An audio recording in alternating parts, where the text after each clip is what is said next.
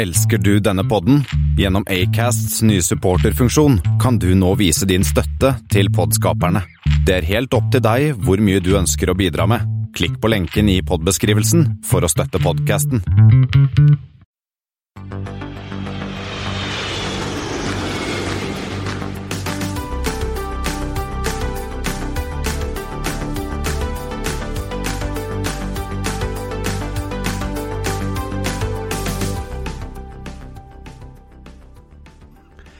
Hei og velkommen om bord på Flypoddens flight 104.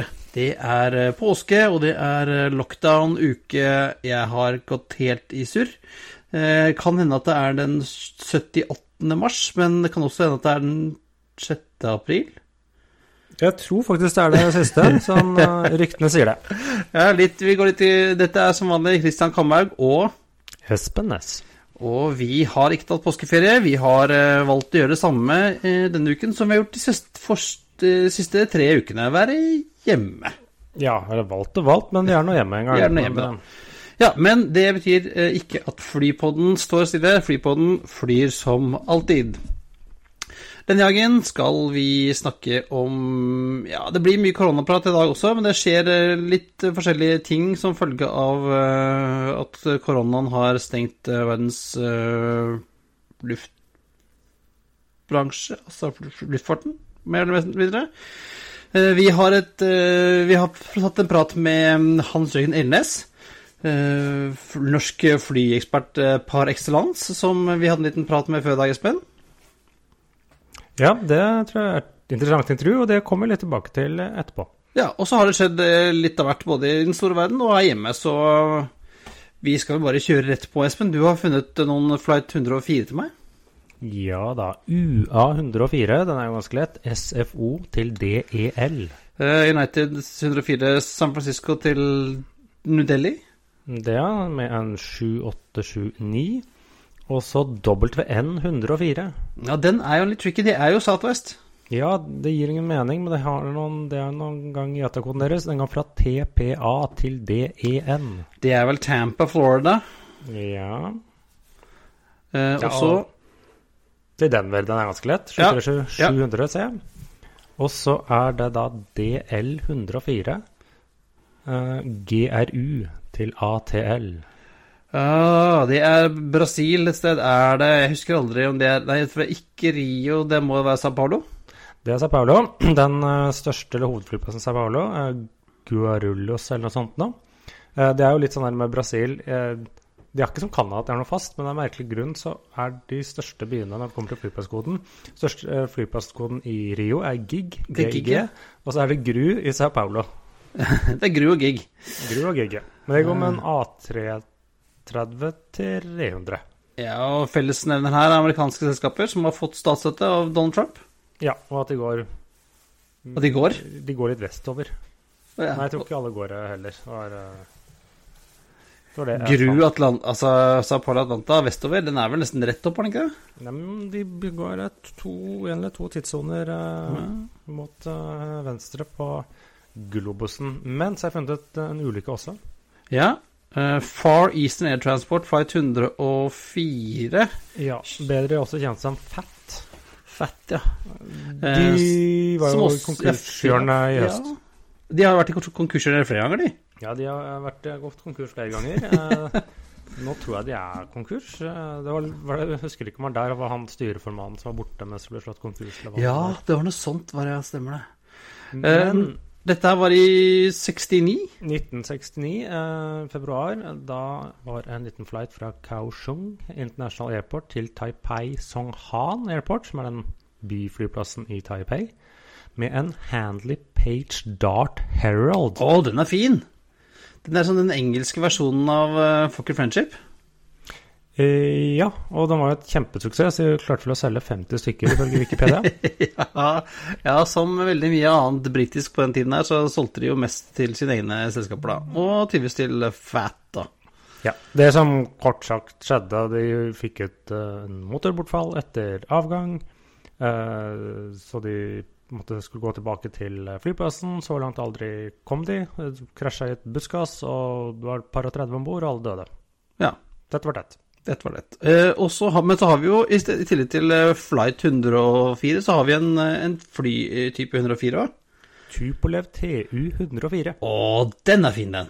Ja, og den er mm, si, Noen sier vel at det er en kopi av Cometen, eh, men det er vel egentlig ikke det.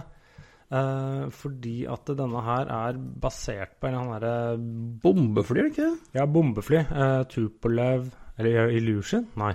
Jo, Tupolev 16, som er et uh, bombefly. Men ser jo veldig mye ut som uh, som uh, Cometen. Eh, Ja, men og- med motorene inne i vingene, sånn helt Ja, inntil liksom flykroppen. Inntil flykroppen, og var jo et relativt stor suksess.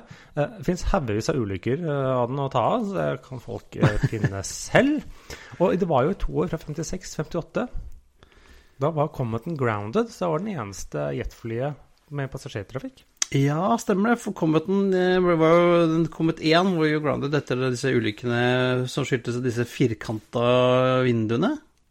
Ja, Mens eh, Type 104 hadde runde vinduer. Ja, så den krasja litt. Eh, Jeg leste litt interessant at den den hadde en crew på fem i cockpit.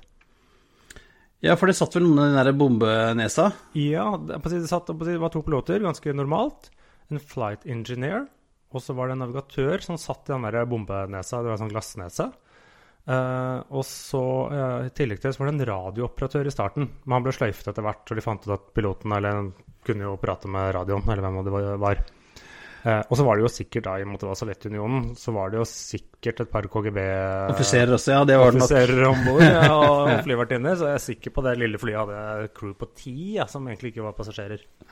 Ja, de har, ja Vi har jo sett mange av de der eh, Mye fine bilder av de. Eh, Det var jo vel både Aeroflot og CSA og på andre som fløy rundt med de. Ja, øh, flere solgte relativt bra, krasja en del. Eh, det var ikke helt sånn stabilt. Eh, og jeg, hvis jeg går på Wikipedia, så er det faktisk et bilde av den på Arlanda. Hvor den lander, og tydeligvis ikke de beste bremsene, for den har bremsefallskjerm. Ja, som, som, samme som Karavellen, og så hadde jo bremseskjerm. Ja, det var jeg ikke klar over. Ja, altså i hvert fall tidlig, tidlig Caravelle hadde bremseskjerm også. ja. Så Typolo 104 altså, et uh, ganske kult uh, tidlig jetfly. Ja, det nest, nest tidligste. Eh, eller av passasjerfly, da. Det er jo det vi Ja. Det er det vi bryr oss om. mest med. vi snakker jo om eh, kun fly som ikke dreper folk med vilje. Ja. Men har vi noen aktuelle saker? Det har vi. Eh, Vi har jo tidligere snakket om Condor. Eh, Condor ble jo solgt til dette Lots eierselskap som heter PGL, eller de skulle vært De hvert fall kjøpe det. skulle det, men uh, nå ser det ut som uh, disse PGL har problemer med finansieringen. Kan det skyldes at uh, ikke de tjener noe penger om dagen? Nei, eller kanskje, jeg vet ikke. Kanskje vi må be de polske myndighetene om litt penger eller hva nå det er. Men de har i hvert fall Disse er jo sånn delvis statseid, støtta, hva det måtte være. Men da har i hvert fall tyske myndigheter Kondor skylder tyske myndigheter penger, for de fikk jo sånn nødlån. Så Ja, etter, etter, sagt Thomas Cook-konkursen, ja. Ja, så tyske myndigheter har jo nå sagt at uh, nå får dere jaggu meg kjøpe selskapet, ellers så bare tar vi det over. Så blir det nasjonalisert. Ja, og eh, som vi uh, kommer inn på etterpå i, i praten med Hans Jørgen også, så er det vel ja, Den type selskaper er kanskje ikke de som står først i køen for å få støtte om dagen.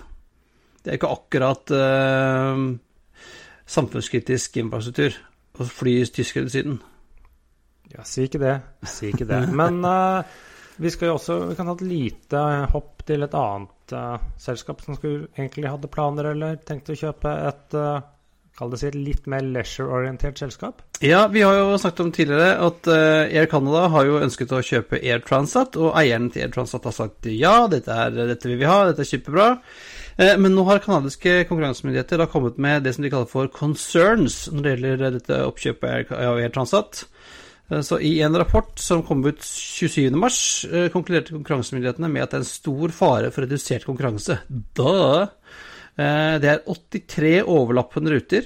eh, 49 mellom Canada og Europa, og 34 mellom Canada og eh, sånne feriedestinasjoner i Florida, Mexico, Sentral-Amerika og Caribbean. Eh, Og de sier at denne transaksjonen da vil eh, også føre til en sammenslåing av selskaper, de eneste to selskapene som flyr på 22 av disse rutene. Så det ble- jo helt klart en reduksjon av konkurransen. Ja, og dette kunne man jo se komme. Og dette var hva som sier, Det så vel ut som et egentlig godt kjøp i desember. Nå er det vel egentlig bare Det er ikke sikkert Air Canada er så ivrig, men de har nå en deal. Men det kan være at uh, selgerne er jævla ivrig på å bli et flyselskap dyrt. Ja, så nå skal jo, Dette er jo den foreløpige konklusjonen fra konkurransemyndighetene, men nå skal det jo innen 2. mai eh, så har de sagt at de skal komme med en endelig konklusjon. Eh, men de innser jo nå at eh, koronakrisen kanskje har en liten innvirkning på konkurransemarkedet altså marked, markedet, i framtiden. Så kan vel hende at Air Canada sitter egentlig og håper at denne dealen blir ikke godkjent. Ja, nei, vi får uh, se. For det er jo det er jo mange flyselskaper nå som kanskje den nærmeste tiden ikke har råd til å kjøpe opp andre, for nå renner jo pengene ut. Ja, jeg så bl.a. en artikkel i Fat Global her forrige uke om um, SpiceJet, som uh, har vel en 100 leasede fly på bakken, og de betaler noe sånt som 20 millioner dollar i måneden for disse flyene.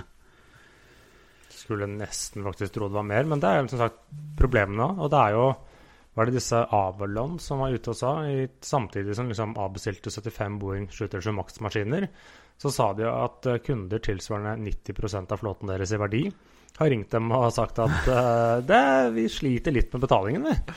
Ja, det tror jeg på. Altså, det er jo uh, Altså, leasingselskapene gjør jo gode penger når det går bra, og så sitter de ordentlig i saksa når, når ting går dårlig. Og så blant uh, disse 100 disse flyene til SpiceJet, så har jo Nordic Aviation Capital har ni. Mm. Og det er vel ATR 72, da? Nei, de flyr Q400. Q400 er det selvfølgelig. Så ca. 1,1 million dollar i måneden som de skal betale til Nordic Aviation Capital nede i Billund, da. Og så er det jo litt sånn vanskelig, for det er liksom ikke sånn i disse dager Betaler ikke, så kommer vi og henter flyet. Så. ja, som vi sa sist, bare Ja, kom og hent greiene. Vi trenger dem ikke. Ai, fy fader. Nei, uh, dette Vi har jo Vi er jo optimister, Espen. Vi er jo det. Ja, eller på et eller annet tidspunkt så snur det, og så sier folk at det blir ikke som det var før. Nei, men det, ting blir jo aldri som det var før. Ting utvikler seg. Uh, det skjer ting, men det blir jo spennende. Men uh, vi har jo også da diskutert med noen Vi har diskutert litt framtid og nåtid. Ja, vi har tatt en prat med, som sa, som sa introen, Hans Jørgen Elnes. Uh, luftfartsanalytiker og TV-ekspert, eh, som eh, vi tok en liten prat med i dag, og snakket litt om hvordan, hvordan vil denne recoveryen se ut. Eh, vil vi kom, Vil det se ut som en V? Vil det se ut som en U? Vil det være en L, for, alt jeg vet? Vi hadde en, en god prat med han tidligere i dag, og det bare jeg skal høre på det intervjuet, Espen. Kjør på.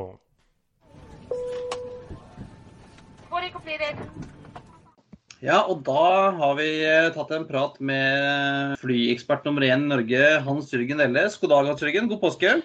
God påske, Kristian. Hyggelig å være tilbake igjen i Flypodden. En liten stund siden sist nå, men jeg er alltid glad at du husker på meg når du skal diskutere alvorlige ting.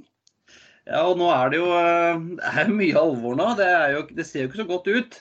Nei, det gjør ikke det. Det har vel aldri noen gang sett så dårlig ut for luftfarten eh, i det hele tatt. Og de har jo holdt på i over 100 år. Så dette er, eh, dette er hakket over mer alvorlig, faktisk. Det er vel sånn på, sånn på høyde med andre verdenskrig omtrent, tenker jeg. Ja, i utgangspunktet så er det. Det var mange fly i lufta da, men ikke så mye passasjerfly. Men, eh, men da, nei, det er, det er ille. Veldig ille. Men det jeg tenkte jeg skulle snakke om, Hans Jørgen, det er jo hvordan det ser ut på andre sida. For en dag må det jo ta slutt, dette her. En dag må jo eh, ting begynne å bevege på seg igjen, eh, får vi håpe. Ja, Det gjør det jo selvfølgelig. Og, eh, og det er, dette spørsmålet dukker jo opp stadig vekk om ja, hva, hva, tror vi som følger markedet tett om hva som, hva, når kan det bli en bedring, og hva blir det? Og, og jeg skal være veldig ærlig med både deg og Flypodden sine lyttere at det er veldig vanskelig å gi et ordentlig svar på det.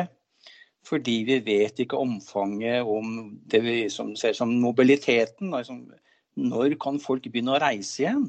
Og eh, ikke bare det, men når vil folk begynne å reise igjen?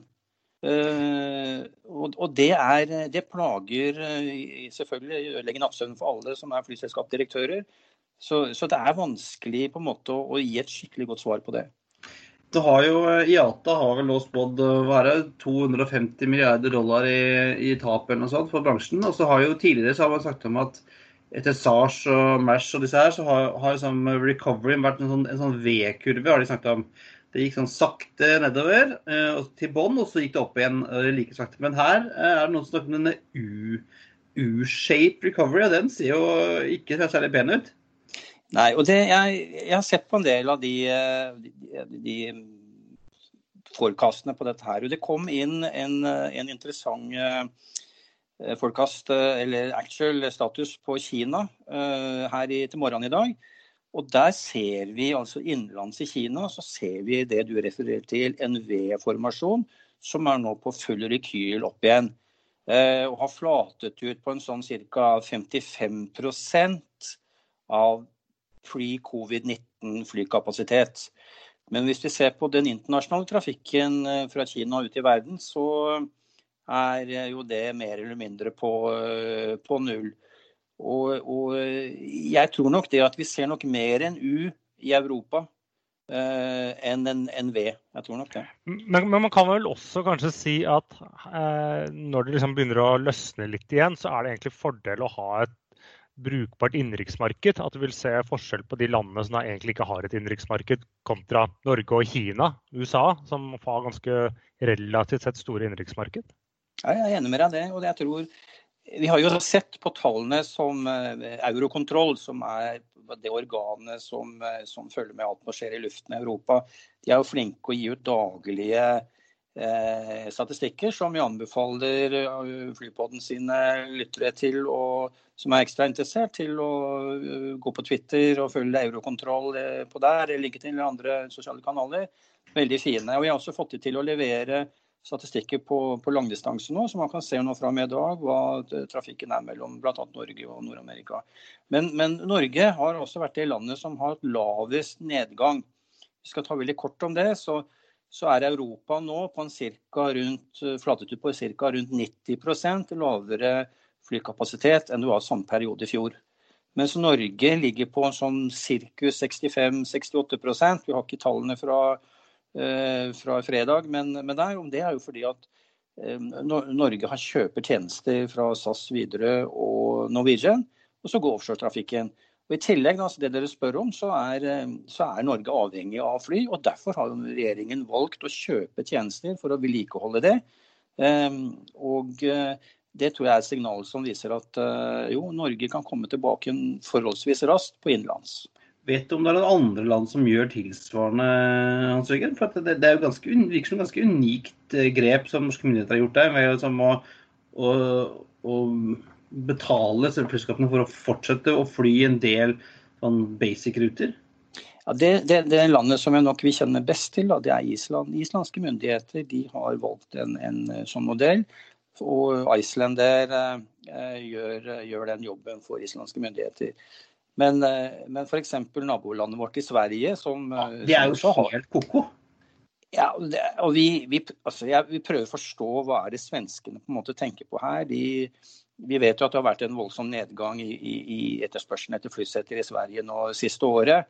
Men, men, der er det altså ingenting. Og det, det, som skjer nå, er at SAS har fra og med i dag de har ett fly, en Airbus 320, som skal betjene et lite knippe av eh, destinasjoner i Sverige. Og det inkluderer f.eks. ikke Stockholm-Göteborg. Uh, og da er det Nå skal vi tilbake til Bråten, eller Bra Aviation senere i dag, men da er det svært lite igjen til å forflytte seg rundt. Så det er tog, bil, buss eller et sykkel i Sverige. ja, for det, det så på dette ruteopplegget til den ene til 320 som skulle fly i Sverige, så var det jo Visby, og så var det Nord-Sverige. Ja. Og de har da sikkert sannsynligvis svært, vist seg fra sin uh, si, sin gode side og, og setter opp ruter til, til, destinasjoner i Sverige som virkelig har behov for mobilitet. Så Det skal SAS ha kreditt for. og det, Dette gjør de da på egen regning, og det syns jeg er helt forkastelig av myndighetene å ikke støtte SAS eh, og andre flyselskaper til, eh, på den måten som man har gjort i Norge. Ja, og vi så vel Siste uke så var det videre det selskap, flyselskapet i Europa, passasjerselskapet, med flest flybevegelser, i hvert fall, om ikke flest passasjerer. Ja, og det, det, henger jo også sammen med at det er to ting. Det ene er at, at Widerøe har jo fotrutene sine. Eh, og Jeg vet ikke om dere skal forklare litt i dybden om, om, om fot, men, men, eh, det er jo da ruter som staten kjøper tjenester som videre må fly.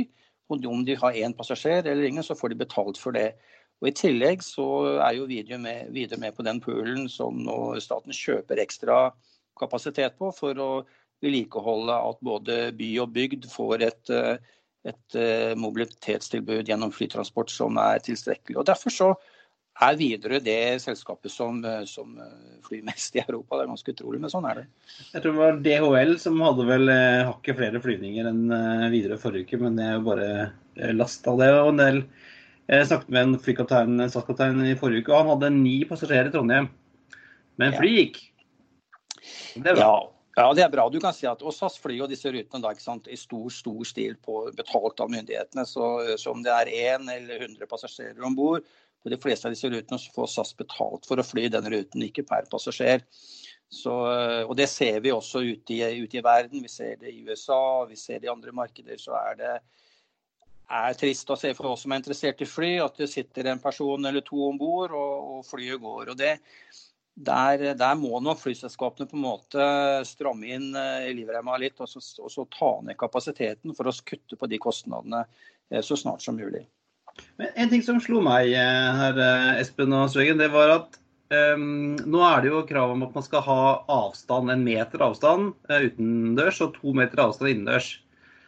Uh, vil det si at om man skal fortsette å fly en stund, må man da blokke seter og Man kan ikke sitte like trangt som man har gjort? Men det gjøres jo. For jeg har sett mange sånne screendump fra setevalgssider. Det ser ut som både SAS og uh, andre europeiske selskaper i hvert fall blokkerer midtsetene nå. Ja, Det stemmer. Eh, det gjør de, og, det gjør de borte i USA også. Og det er noe litt avhengig av hvordan det, utviklingen med, med, dette viruset går. Men, men, eh, det diskuteres eh, blant flyselskapene om at et tiltak vil være det at man over tid da vil kanskje blokkere midtsete på alle fly. Og Så får vi jo se om det blir behov for mer avstand, om man må ha annenhver rad og sånne ting. Og det vil i sin grad medføre at flyprisene Vil komme til å gå ganske mye opp? Helt klart. Det tror vi må bare innse uansett her nå. så så tror jeg det at etter en sånn liten push for å få markedet i gang, så vil flyprisene eh, bevege seg bratt et stykke oppover, ja. For Utfordringen med denne recoveryen er at den dagen Det virker ikke sånn det blir en sånn én dag hvor Hei, folkens, nå kan vi dra og gjøre alt vi ville gjøre. Det virker jo som at det blir en slags gradvis eh, oppmyking av dette isolasjonsregimet vi har nå. Eh, men så er det jo forskjell på landene også. Altså, Norge ser ut til å være i ganske god shape. Eh, Norden totalt ser ut til å fungere ganske bra, men Italia, Spania, Frankrike, USA er det jo helt krise. Ja, og Derfor så, så ser vi også bl.a. at en rekke flyselskaper de, de, kvitter seg nå med de eldste flyene de har. American Airlines tror jeg bestemte seg at de skulle ta ut eh, de eldste Boeing 737-ene sine, som er sånn fra årtusenskiftet. Og jeg tror det var snakk om nå 757 og 767 også.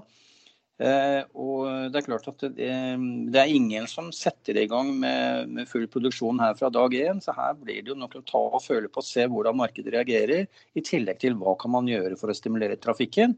I form av hvilken mobilitet har du, da. Kan du reise til Spania? Det er noen blir... som ja, for det hjelper jo ikke at det, hvis det åpnes her i Norge, så hjelper det ikke at hvis det er liksom stengt i landet rundt, for da får du jo ikke fløyet dit. Det... Nei, nei og, det, og, det, er jo utfordringen da, eh, hvis vi, sånn for Norwegian. ikke sant? OK, de har stort marked i Spania. Eh, og det når de jo ikke, eh, i, verken fra Spania til Norge eller motsatt, så lenge problemene er der nede. Så da må de jo fly kapasiteten sin her. Og de kan jo ikke sette igjen alt de har av kuller og krutt Eh, fra, på, i Norge. så det, Derfor så blir det ser det som det kan bli en langvarig situasjon. og Det du startet eh, med i dag, Kristian, var jo hvor lang tid det tar. Jo, man snakker om at vi ikke er tilbake igjen kanskje til pre-covid-19 før om et drøyt års tid.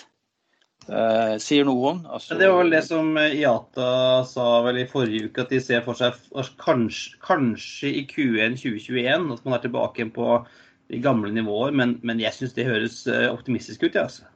ja, jeg tror at vi, vi, snakker i hvert fall ikke før sommersesongen 2021. Og at man da får en gradvis oppbygning av kapasiteten da, forutsatt at, at vi da kan reise sånn i Europa. Da. Vi kan reise til Spania, Italia, Portugal og Tyrkia og alle disse eh, Hellas, disse feriedestinasjonene. Baltic, eh, eh, Balkanstatene og, og sånt. Og, og, ikke minst til London, som da er den eh, største ruta vi har. Det, det er helt avgjørende. Så, og det kan jo være norske myndigheter som har krav, setter krav til bevegelse også. Det, det, vi får jo se hvordan det går. Men det er, det er vanskelig å spå noe klart på det. Ja, jeg ser det som at det kan bli litt sånn som uh, Askeskyen, bare i For der var det jo at, at det, er et, et, land var åpent, et annet land var stengt. Uh, det varte jo et par dager. da, Men her kan godt si at det kan ta måneder fra liksom, andre land. Sverige og Danmark kanskje åpne for oss, mens, mens Spania Italia kan, og UK kan være stengt. Kanskje, eller Kanskje UK vil åpne opp for oss, men vi vil ikke reise dit. Altså det, det, det, ligger jo masse der også. Og, og selv om landet åpner etter hvert, så vil jeg tro at det ligger ganske mye, ganske mye frykt da, blant folk at de ikke vil reise, reise steder. Så lenge, så lenge, vi ikke har eh, flokkimmunitet eller, eh, eller, vaksine. Ja, Det tror jeg det har du helt rett i. Og, og du kan si at eh, markedet, markedet, i luften det drives jo av, av ferie- og fritidsmarked i utgangspunktet.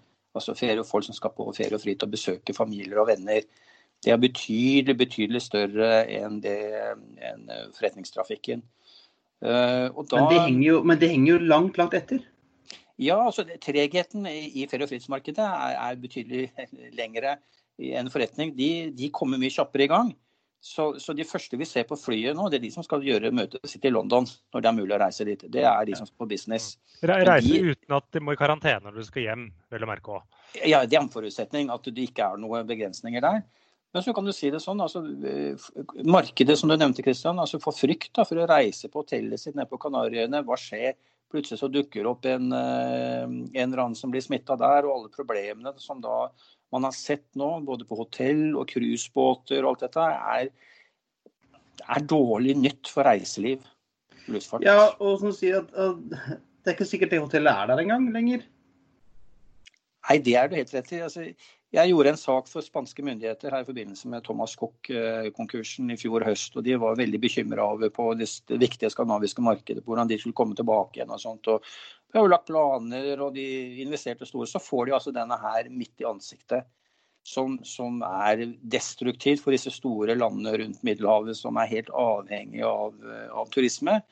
Og det, det, er ganske mørke skyer nå, for å si det rett ut, Kristian. Eh, Sett fra mitt ståsted, så er det det. Ja, og, og, og så, jeg, vil, jeg tror at En annen ting som gjør at denne recoveryen kommer til å ta ekstremt lang tid, er jo også det at én uh, ting er at ok, markedene må åpne opp etter hvert, vi kan reise. Uh, frykten legger seg etter hvert, vi tør å reise. Men nå er det jo bare 30 000-40 000 arbeidsledige i Norge. Um, mange har jo fått, um, har mista jobben, mange selskaper har gått konk og kommer til å gå konk uh, i de ukene som kommer. Det er ikke sikkert vi har råd til å reise noe sted. Hva er det det første man kutter på når du får dårlig råd? Ja, det er å reise. Du har, ikke, du, har, du har ikke, penger til det? Nei. Så, så, du kan si at det er to sider av den saken. Kanskje det blir en, en oppblomstring for innenlandsturismen i Norge. Som, som uh, gjør at man, uh, man, man, bruker tid her. Men det, det, det, er derfor vi er veldig usikre på hvor lang tid vil det ta før markedet er tilbake igjen, sånn som det var før dette viruset slo til. Eh, og det er jo, Den norske økonomien er jo en del, men det skal jo være økonomi å kunne drive det som du sa. Er hotellet der i Spania, eller er hotellet ditt der på Mallorca eller Ibiza eller Italia eller Hellas eller hvor du nå reiser, er, er det liv laga for det? Vil du reise et annet sted som uh, for det hotellet ditt er konk? Ikke sikkert det. Nei, så jeg tror den, den U-en blir ekstremt Han Har ganske lang, uh, en ganske lang bånd, tror jeg, altså. Nå tenkte jeg også Norge er veldig øh, avhengig av oljepris. Og, og, ja, den òg, ja. og, så, og så har vi jo sett at den norske kronen har jo svekket seg veldig mot både euro og dollar og alle andre valutaer. Og Det gjør jo det at det blir forholdsvis kostbart da, å fly, altså feriere utenlands, hvis det, hvis det holder seg slik. Oppsiden her er jo selvfølgelig at det blir desto billigere for utlendinger å komme til Norge. Ja, Plutselig er jo øl nå billigere i Bergen enn i Marbella. ja. Jeg hørte, Når du snakker om øl der, så hørte jeg altså, en historie her som sa at for å kjøpe en øl på puben i København, så snakker du om 175 norske kroner. Det er litt i overkant. Ja, Det er jo også en grunn til at folk vil holde seg hjemme, da. Og, og, og, det at, at, det kan komme masse turister til Norge, er jo positivt. Um, hvis de får lov til å komme inn. De har, ja, men de skal jo ha noen sted, og de skal jo ha turistbedrifter som kan ta imot dem. Kristian. Det må jo være noen ansatte i innkommende på hoteller og reisearrangører og opplevelsearrangører og alt dette her som foregår nå for full fart i, i Stortinget og regjeringen med tiltakspakker, og som det kom noe på plass her i, i går kveld, med, med, med, at man kan eh, skyve på tilbakebetaling i tre måneder. Men, men man er jo redd for, altså hvis mange slike selskaper går om kull, hvem skal da ivareta turistene som kommer inn til Norge? For alt henger på en måte sammen i dag. Og det, det, det gjør at dette er veldig komplisert for alle parter. Ja, det blir eh, Vi har jo sett den, ser vi har sett den første konkursen i Norden eh, i dag, eh, Espen. Ja, du tenker på Bra? Bra. Ja, man får se. da. Nå har det sånn svensk De har jo en sånn Chapter 11 Light-ordning, så vi kan komme tilbake til litt uh, litt siden. Men det var første liksom, litt større flyselskapet. Var da egentlig Flyg bra? Ja, og det er, som du var inne på eh, også, Hans Jørgen, det er jo eh, det er jo ikke overraskende at det skjer i Sverige. Er, vi sa at luftfarten ikke har hatt noen venner i Norge. Men i Sverige har den jo faktisk fiender. Ja, det er, Luftfarten har bare uvenner, i hvert fall i Erikskanselliet i, i Sverige. Flesteparten av de som sitter der, de er ikke spesielt glad i fly. Og det, de, kom en, de, kom jo med en, pakke, en redningspakke. Men den var litt annerledes enn den norske. fordi den, For det første så fikk Norwegian fikk ikke noe, SAS fikk tilgang til det her. men Det gjorde nok en del av de små selskapene også, men dette var da lånegarantier. Vil si at Da stiller staten seg som, som garantist for, for flyselskapene som skal gå til markedet og hente penger. Men det er ikke det disse små selskapene i utgangspunktet trenger. Og heller ikke de store trenger direkte kapitaltilskudd, fordi at de har ekstremt presset likviditet. Så vi skal ta ett lite minutt om det for å opplyse eh, lytterne dine. Så er gjennomsnittet for verdens flyselskaper, da, hvis vi ser det ut ifra IATA, som da har 300 medlemmer, flyselskaper over hele verden, de har en kapitalreserve på, i snitt på 60 dager uten noen særlige billettinntekter. Og De 60 dagene de går veldig fort.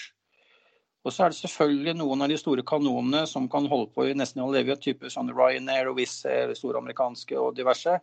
De kan, de kan eh, ligge på redet i, i, lang tid og kan komme tilbake igjen fryktelig sterkt. Derfor er det så viktig at for å beholde maktbalansen og konkurransen, så må myndighetene trå til med pakker som er rettet mot selskapene, slik at uh, de kan overleve. Om det er Norwegian, om det er SAS, om det er Bra eller andre. Og Der uh, har ikke de skandinaviske myndighetene enda funnet uh, en god løsning for det. Se på hva som er gjort i USA. Der er det mye bedre. Ja, for Det flyselskapene trenger, er jo både få hjelp med egentlig å bli redusert å kvitte seg med kostnader de ikke klarer å bli kvitt når flyene står. Og så er det vel også liksom, si, øke egenkapitalen eller øke kapitalen og cash. Og det hjelper da ikke, som var vel Bråten selv som sa det, at det er ikke så veldig nyttig for oss å få tilbud om mer store, dyre lån. Nei, overhodet ikke. Uh, og, og, det, det samme er jo tilfellet for, for uh, type Norwegian, som også er uh, veldig skviset på, på likviditeten sin de eh, vil også være best tjent med å få en, en løsning med, med, direkte tilskudd fra, fra, staten. Hvis vi går litt til USA da, og ser litt på hva, hva politikerne har gjort der, der kom det jo en pakke på plass som heter Caris Act. Den ble eh, godkjent her i, eh, i, for en ukes tid siden.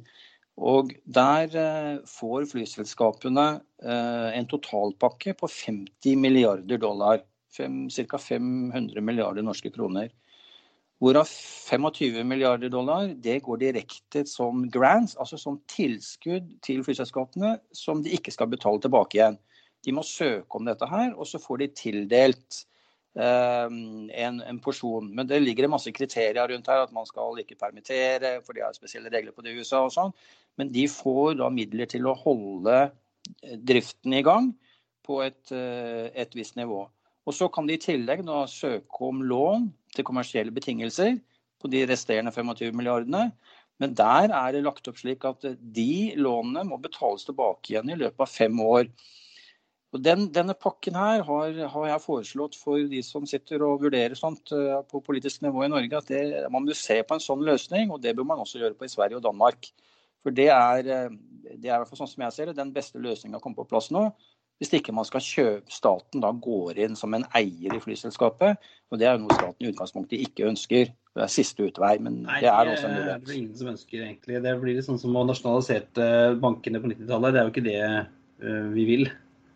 Nei, det, og det er verken staten eller flyselskapet eller på en måte markedet vil det. Men det kan være at det ikke er noen annen vei ut. Men der har jeg vært veldig tydelig på når jeg blir spurt om hva jeg tror om det, så er det altså den aller siste døren som, som regjeringen eh, Solberg åpner. Men det kan være at de ikke har noe alternativ til det, hvis man ønsker å ha konkurranse og et tilstrekkelig rutenett i Norge. Det er litt tidlig å se ennå, men vi får se. Nei, for Som du, som du var inne på i stad, så er det, jo, det er jo noen som har, om, ikke, om ikke pengebinge, så har de jo en litt sterkere økonomi enn f.eks. Norwegian. da. Uh, du, Ryanair, IAG, Lufthansa Group, den gjengen der sånn som har muligheten til å sitte lenge. Eh, og Venter man lenge nok, så går alle de andre konk, og så er det bare å rulle inn når, eh, når U-en er på vei opp igjen. Og det er jo også en situasjon vi egentlig heller ikke ønsker. Nei da, eh, det er ikke det. Men sånn er det altså vært den sterkestes rett. er det ofte. Og, det er klart at det er, det er, nok mange som sitter og skuler bort til Dublin og lurer på hva Michael O'Leary nå gjør. Fordi at uh, han har en krigskasse på et sted mellom 4 og 5 milliarder euro som han kan bruke. Og de kan sitte uten inntekter et helt år de, og sette i gang i full fart. Og Du ser jo hva han planlegger, bare for å illustrere hvor smarte disse gjerene er. Når du setter et fly på bakken over en viss tid, så, du, så krever det eh, vedlikehold og en eh, masse arbeidstimer før du får lov til å fly igjen. Det Ryanair gjør Hvor på flyr de? Ja, De flyr hver fjerde dag. Så lufter de, fordi alle får flyene lufta seg. Eh, en liten tur rundt flyplassen, og så får pilotene lufta seg litt òg. Og da er de klare til å sette i gang umiddelbart når, når markedet på en måte tillater det. Og Det er også grep som, som vanlige selskaper eh, ikke gjør. De liner opp på flyplassen, sånn som Norwegian har gjort her i, på Gardermoen, Stavanger eh, og i Trondheim. står jo over 100 fly parkert. Eh, mens Ryanair er ute og flyr hver fjerde dag. Ja, det, det, er jo det er noen smartinger, altså. Jeg skal ha for det. ja, så det, det, er klart at de, og du ser på Lufthansa-gruppen, som, som, nok også kommer til å få støtte fra tyske staten i en eller annen form. Og det vil også Air France eh, KLM gjøre. Eh, I England så har det vært litt mer komplisert. Der har den engelske finansministeren han har sagt dere får ikke noe av meg før dere har sjekket alle mulige Eh, muligheter dere har i markedet å hente penger. Og Der gikk eh, Flyby konkurs her for 14 eh, dager siden. Det var et regionalselskap, en del mye større enn bra aviation i Sverige, men dog, og hadde hatt slitt med en del problemer underveis. Men de hadde nye og relativt kapitalsterke eiere, som Richard Bransons Virgin bl.a. Men likevel så ble det altså satt på bakken nå her for en stund siden. Og så man, Myndighetene velger forskjellige måter. og Vi ser jo det at uh, type Virgin Atlantic har jo uh, sendt et uh, brev til, til myndighetene i England om at vi trenger penger. Og eieren Richard Branson han går inn selv med 250 millioner pund hvis det, regjeringen putter, putter inn da, tilsvarende. Jeg er ikke med en tilsvarende som putter inn nok da, til at selskapet kan komme seg videre. Så det er, for å si det pent, det er meget alvorlig for mange flyselskap. Ja, og Apropos rike onkler, så har vi jo eh, oppi her nord så har vi jo um, Petter Stordalen, som uh, kjøpte store deler av Ving og Sunclass Airlines nå, da. Mm. Men problemet hans er jo at han har jo masse penger, men alle pengene sitter jo i hotellene hans. Ja, og, og, det har vi jo sett. Og, og Petter Stordalen og Torgeir Silseth, eh, hotellsjefen hans, eh, de har jo vært ute i media i forskjellige sammenhenger og forklart hvordan selskapsstrukturen er. Og selv om Petter Stordalen er en rik mann, så sitter han ikke på, på kontanter som han kan blåse. Det, de, bare hotellkjeden hans den går jo 250 millioner kroner minus i måneden, eller 1,2 millioner kroner i, i timen. Eh, men nå har, eh, har Sunclass Airlines de har nå kvittet seg med to Airbus 330, som kom melding om i dag. Så de gjør en del grep for å kunne redusere kostnadene sine. Men det er klart at han har lagt inn en del kroner når han kjøpte opp Ving. Uh, gjennom, gjennom, ved hjelp av DNB, Altor og et engelsk et fond borte i London. Så det er klart at han må Her må det De må kutte kostnader. Ja, og akkurat uh, charterturistene kan vel ta litt tid før de er tilbake igjen også. Espen, er du klar for uh, Granca, eller? Det må jo bare åpnes opp, da. ja, du er klar, du. Jeg er klar egentlig så lenge man kan dra. Jeg har jo egentlig booket en, fly, en tur til Frankrike om to måneder, men jeg tror egentlig ikke det blir noe av den. Men det, er jo, det må jo åpnes opp for det. Så. Det, det, det, jeg tror som kan skje her når det gjelder eh, charter, det, det blir en på en måte sånn der annen type for konsolidering. Eh, disse store A330-ene, jeg tror eh, Sunclass Airlines har tre stykker igjen av de nå, som tar rundt 350 passasjerer og vel så det. Den, de må nok selges i samarbeid med de andre operatørene til destinasjoner som uh, i, i, i, Spania etc., som de kan gå til. Jeg tror ikke Ving skal kunne regne med at de kan drive de der på egen regning fremover. og det ser jo ikke ut som, Jeg tror sommeren nå, den er kjørt. Det blir selv om det, det, høres litt dramatisk ut, jeg tror det blir svært lite turisme til, til middelhavsområdene i sommer, dessverre. Og da må de flyene stå på bakken. til Kristiansand, tror jeg, altså. Ja, Det kan være det at han gjør en avtale med Per G. Bråten og da så fly, um, fly masse ned til, til uh, Dyreparken ned i Kristiansand. Uh, du som kan flyplasser, Espen, du vet, kan, kan de ta ned en A330 i Kristiansand? Oh, det er jeg litt usikker på, men de har jo en god del 321-er også som kan bruke i stedet for ditt. Så kan de sende en 330 et annet sted. Ja, ja. Kanskje sende den parkert på et fjernt sted på flyplassen, kanskje. Ja. ja. ja nei, det, det, det, blir jo ikke noe særlig mer uh, feststemt av dette her, Espen? Nei, men det blir jo Det er spennende for det, da. Ja, Det er jo never a dull moment, kan man si, i denne, denne bransjen som vi er veldig glad i, da. Nei, vi som er glad i luftfart, vi, vi syns jo dette, dette, er på en måte også spennende, men det er på en måte med, med, med, feil fortegn. Og uh, du har vel kanskje, kommer kanskje inn på det senere òg, men jeg tror nok det ligger an til at det blir en avskalling i selskaper her da, på global basis. Uh, det vil komme en, del selskaper som går ut av business, og så vil det nok være muligheter for mer konsolidering og oppkjøp så eh, luftfarten vil nok se veldig annerledes ut når dette er over, enn det det gjorde før. Og så får vi se liksom hvilken vei det går. Men jeg tror én ting er jeg ganske sikker på, og jeg nesten kan skrive under på. Vi har sett de billigste flyprisene. Vi kommer ikke til å se det igjen. Det som vi har sett sånn frem til det bundet ut i fjor sommer. Den tiden er over. Nå vil det koste mer å fly.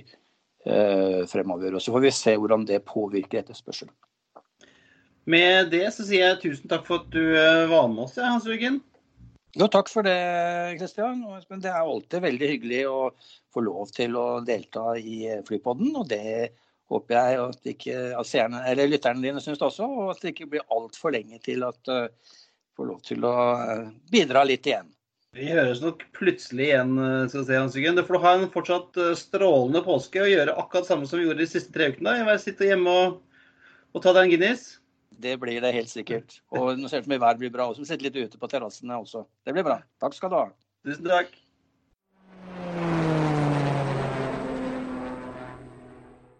Ja, En ting som vi snakket litt om, Espen, eh, som du lovte å komme tilbake til, det var jo bra. Ja, vi går rett til konkurshjørnet. Ja, er de konkurshjørnet, eller er de ikke konkurshjørnet? De er jo i konkurshjørnet, og de er jo Hva skal jeg si? Teknisk sett så er de jo konkurs. Ja, for de har søkt om dette som svenskene kaller for konkursbeskyttelse, eller hva de kaller det på svensk. En reorganisering. Ja, og det er Det er ikke helt det samme som det liksom, man kjenner fra amerikansk konkurslovgivning, eh, chapter 11, men det er litt i den gata.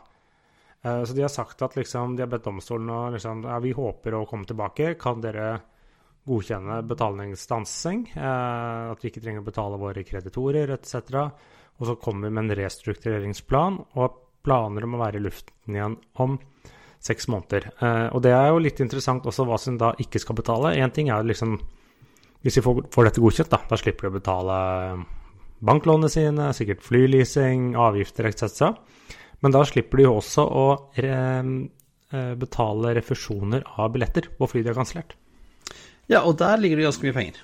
Ja, øh, og det er et eller annet øh, sted at de har faktisk ikke lov til å gjøre det. Når det er under konkursbeskyttelse i henhold til dette svenske greiene, så er det enten for ingen kreditorer eller så for alle, slik jeg har forstått det. Ja, så da har de jo en slags, en slags pause, kaller de, det er det de kaller det på, på websiden sin i dag. Ja, de har liksom sagt at ja, vi har eh, pause. Eh, og det blir spennende å se. Eh, men fakta, eller det som har skjedd, er jo at kassa er tom. Ja, og, og du kan si at P, eies, Bra eies jo av Per G. Bråten, tidligere en av disse Bråten-arvingene. Og han har jo eh, ganske stort forretningsimperium, men alt er jo innenfor reise. Så det har liksom ikke, det har liksom ikke noen sånn annen del av driften han kan hente penger fra.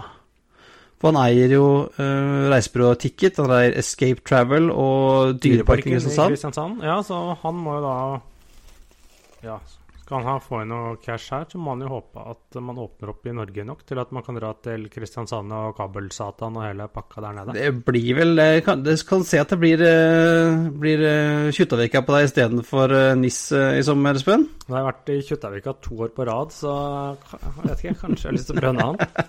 Abrahavn er ganske fin, har jeg hørt. Ja, og du legger jo inn nok cash der til å, i Abraham til å finansiere et fly til eh, Per Bråten. Ja, men det syns jeg, jeg du skal eh, ta inn for laget, Espen. Og, og få refundert den der NIS-billetten dine, og så bare dra til Kristiansand.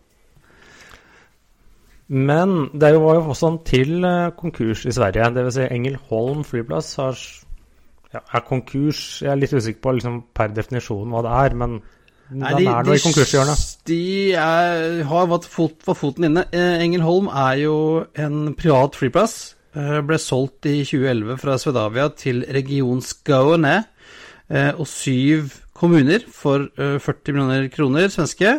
Det er vel nærmeste flyplass til Helsingborg, Mm, er det vel ja. egentlig, og området der. Ja, nå eies den vel av Peab AB. Eh, en del charter, og så er det vel, er jo, det vel der du flyr Alle stockholmere flyr når de skal ned og se på tennis, er det ikke det? Ja, i nærheten av Båstad, det er vel Ja. Så, så går fly til er det vel Bromma og Arlanda. Ja. Eh, I hvert fall, da. Ja. Eh, for nå går det ikke fly noe sted. Eh, Sverige eh, Vi var jo så, fort i, så vidt innom det også, med prata med Hans Jørgen, men Sverige har jo nå ett SAS-fly som flyr rundt omkring. Ja, men nå kom det i kveld så kom det en melding eller nyhet fra Sverige at de skal, myndighetene skal betale for å ha åtte ruter gående eller noe sånt. nå. Ah, så bra! Så det er vel en sjanse for at SAS tar mye av den, men det er ikke sikkert at Engelholm er, eh, er Er Det blir kanskje ikke prioritert, kanskje, nei. Så det spørs om Altså, vi hadde jo Vesterås, det ble jo lagt ned for litt siden, og spørs om ikke Engelholm går samme veien, altså. Ja, det, det er spennende å se. For Vesterås var jo problemet at der var det ikke noe trafikk. På Engelholm så har det vært lite grann trafikk. Eh, og så kommer det an på liksom Får de inn en ny eier, eller hvordan skal de løse dette? For det som er, er at hvis et hotell går konkurs, hvis en flyplass går konkurs, så er det jo der fortsatt. Men hvis et flyselskap går konkurs, så Flyene forsvinner jo ut, de ansatte over alle hauger, eller på Nav, eh, i disse dager. eh, og og de mister jo sertifikater og sånne ting, så de er litt mer sånn flyktig eh, materie. Men en, Ja, det er flyplassen kommer til å ligge der, og om, om det da blir eh, at det bare er uh, rikingene fra Stockholm som kan fly ned med bisetene sine, hva vet jeg? Om de skal ned og se på tennis. ja, få se. Kanskje Wallenberg har lyst til å fly med SAS, selskapet sitt, hvis du kan kalle det det. Ja, nei, og og så Svenskene er jo Det er liksom litt rart, da. Altså, Det var jo bra at de endelig nå bestemte seg for å kjøpe fly, fly til Sverige. For nå har jo også i dag var det Norwegian gikk ut og sa at de sa opp alle ansatte i Eller alle Ja, kabinansatte, vel? Norwegian har i hvert fall gitt hva heter det, varsel om oppsigelse til samtlige kabinansatte. Flyg bra, eller bra står. Så da sitter du igjen med ett SAS-fly, som kanskje blir litt flere. Og så flyr vel disse Leap en eller annen sånn anbudsrute til Åland og et par andre Ja, ting. Og så er det noen sånne mystiske svenske selskaper. eh, helt- Direktflyg og sånn. Ja, helt får greie på. Eh, så det er jo Ja. Ja, det, det, det, det er stille i lufta over Sverige, i hvert fall. ja. Så Norge er jo blant de største nå. Ja, og som vi var inne på um, i praten med Hans Jørgen, så var det liksom Kan vi jo se at eh, at eh, når liksom folk begynner å komme tilbake igjen og folk kan reise igjen, så vil det sikkert være stor forskjell på landet. Nå sier jo Bent Høie i dag at vi har, eh, vi har eh, koronaen under kontroll. Ja, jeg hørte det. Så får man se hva det blir over påske, hvordan det utvikler seg.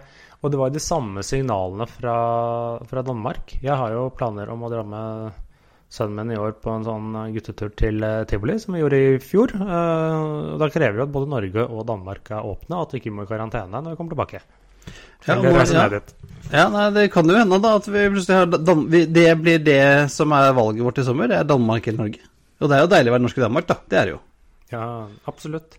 Eh, Men det, men det at bra eh, i hvert fall har pause et halvt års tid, betyr jo at eh, vi kan beskytte hvit pil til den der eh, Torp eh, Bromma-turen vår i 1. juni. Ja, den er jo utsatt til enda senere enn det også. Jeg så noen nye datoer nå, var det i august, eller ja, enda senere. Ja, vi får bare vente. Vi er som sagt klare, uansett når dere måtte finne på å starte. Vi eh, er alltid med på flytur, vi. Men i Kina, der er det jo kanskje mulig å fly nå.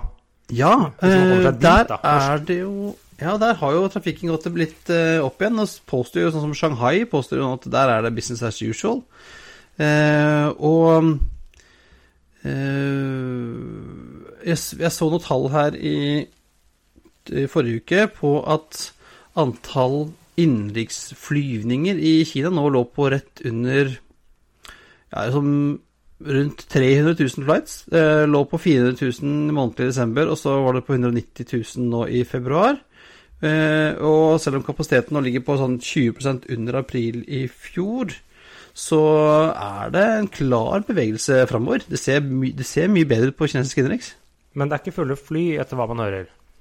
Nei, 60% eh, kabinfaktor visstnok, men den er også økende.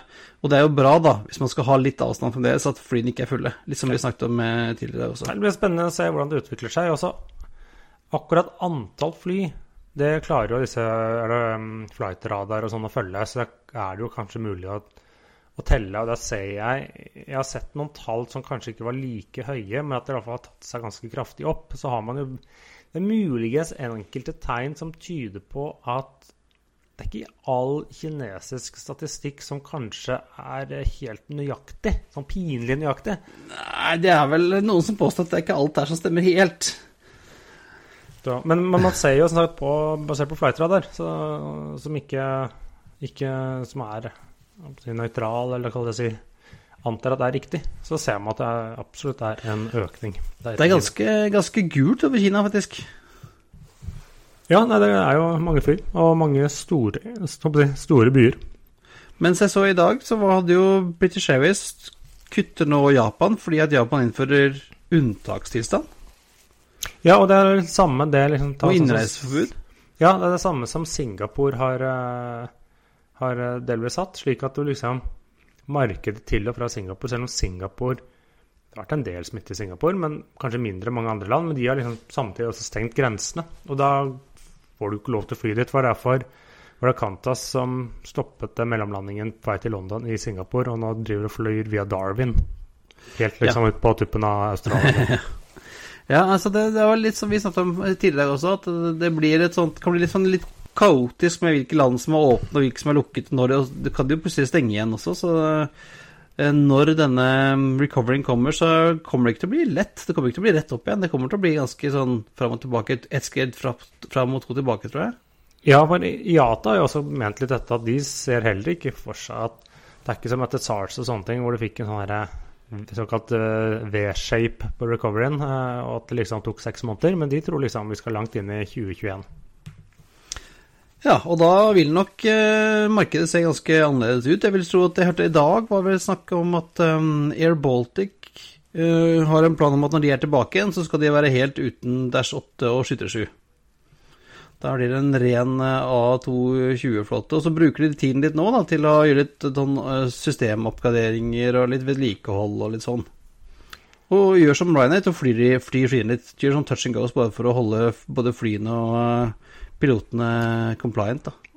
Ja, og, og absolutt Nå skal vi snart ta påskeferie, men utover våren så blir det jo litt sånn spennende å se og diskutere hvordan ser det da ut? Uh, vi må selvsagt komme tilbake til dette, men uh, det er ikke sikkert at uh, det å starte flyselskap om et års tid eller snaut års tid er det dummeste man kan gjøre nå, når man får da gratis crew, gratis fly etc., etc. Nei, så det tar, kan vi ta det som en liten teaser til flight 105, Espen? Ja, om ikke 105, så 100 et eller annet, ja. Jeg tror kanskje det at hvis du spår litt framover, at det er, det er, mennesker der ute som ikke har tenkt å la denne krisen gå helt til spille. Nei, hvem var det som sa det? 'Never let a crisis, good crisis go to waste'? Det var Churchill, hvis jeg ikke husker eh, helt riktig. Ja, enten Churchill eller Hans Gellenweiden, jeg er ikke helt sikker. En av de to. Kanskje han er kopiert. ja. Uh, jeg har en anbefaling på, på tampen. Ja, kjør på. Og det er uh, våre venner i Flight Global som nå i koronatiden har kjørt et par sånne webinarer som er helt gratis. Du kan logge deg på. Jeg skulle egentlig være med på en forrige uke, så glemte jeg det helt. Men de har altså disse webinarene du kan melde deg på, og der er det ganske flinke folk fra bransjen som forteller om eh, Nå har det både vært eh, generelt om kriser, og selvfølgelig om koronakrisa. Og um, disse ligger gratis ute på flightglobal.com slash webinar. Og de, hvis ikke du får eh, rekker å se dem live, så kan du også se dem i opptak. Det er jo noe man kan kose seg med i påsken da, når vi ikke er på fjellet. Vi er i wifi-land. Ja, neimen det var alt for denne gang. Det er på tide å feste sikkerhetsbeltene, rette opp setet og sikre frisikt ut av vinduet ettersom flight 104 går inn for landing. Som vanlig finner du linker til det vi har snakket om på flypodden.no. Du finner oss også på Facebook, på Twitter, at flypodden og Instagram at flypodden. Og har du et spørsmål, er det bare å invitere oss på flytur eller sponse oss, så er det bare å sende mail til hallo at flypodden.no.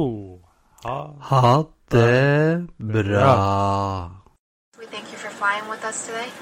We truly appreciate your business and look forward to serving you on a future flight.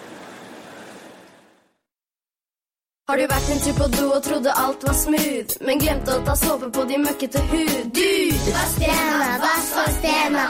Vask hendene, vask, vask hendene. Har du kosa en kamel eller klappa en bisk? Har du tatt en high five, men som ikke var frisk? Mm, vask hendene, vask, vask hendene. Vask hendene, vask, vask hendene.